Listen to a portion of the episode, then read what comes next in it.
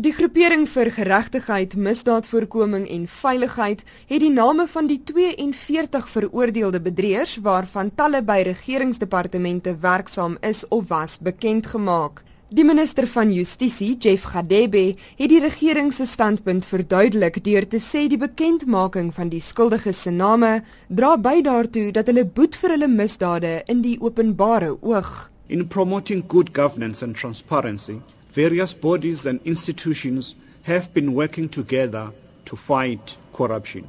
This joint effort shows the firm commitment by our government to deal with this scourge. Die minister sê die bekendmaking van die name is ook ten doel om ander af te skrik wat moontlik dieselfde misdadigerspaadjie sou stap.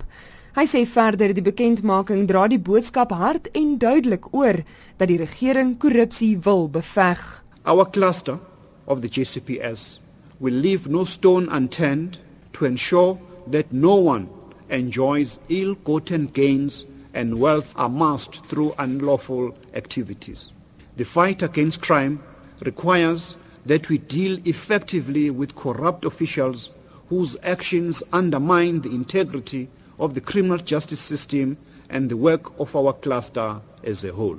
Gadebe sê tugstappe sal gevolg word waar regeringsamptenare betrokke was by bedrog. Within the realm of disciplinary procedures, 794 matters have been finalized in relation to corruption and related charges internally within the JCPS departments during the period 1st of April 2012 and 20 April of 2013. Die voormalige Gautengse LUR vir behuising, Dan Mofokeng, en die uitvoerende hoof van Landbank, Philemon Moglaglane, se name was ook op die lys van skuldiges. A total of 758 persons are currently under investigations for corrupt activities, freezing orders to the value of over 1 billion rand have been obtained. This over 1 billion rand includes forfeiture orders for 14.7 million rand brought against the former CEO of the Land Bank, Mr. Philemon Muhlahlane, and the Gauteng businessman, Mr. Dan Mufukeng,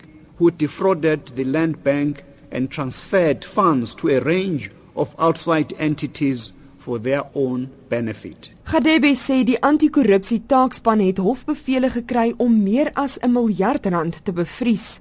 Baie plase wat moontlik gekoop is met geld wat deur bedrog bekom is, word nou ook onder die vergrootglas bekyk. The asset forfeiture unit completed forfeiture on 302 cases in the past financial year with a value of 118.4 million rand. The success rate of the FAU over this period was about 95%, and in addition, 276 new freezing orders were obtained for the financial year to the value of 518 million rand.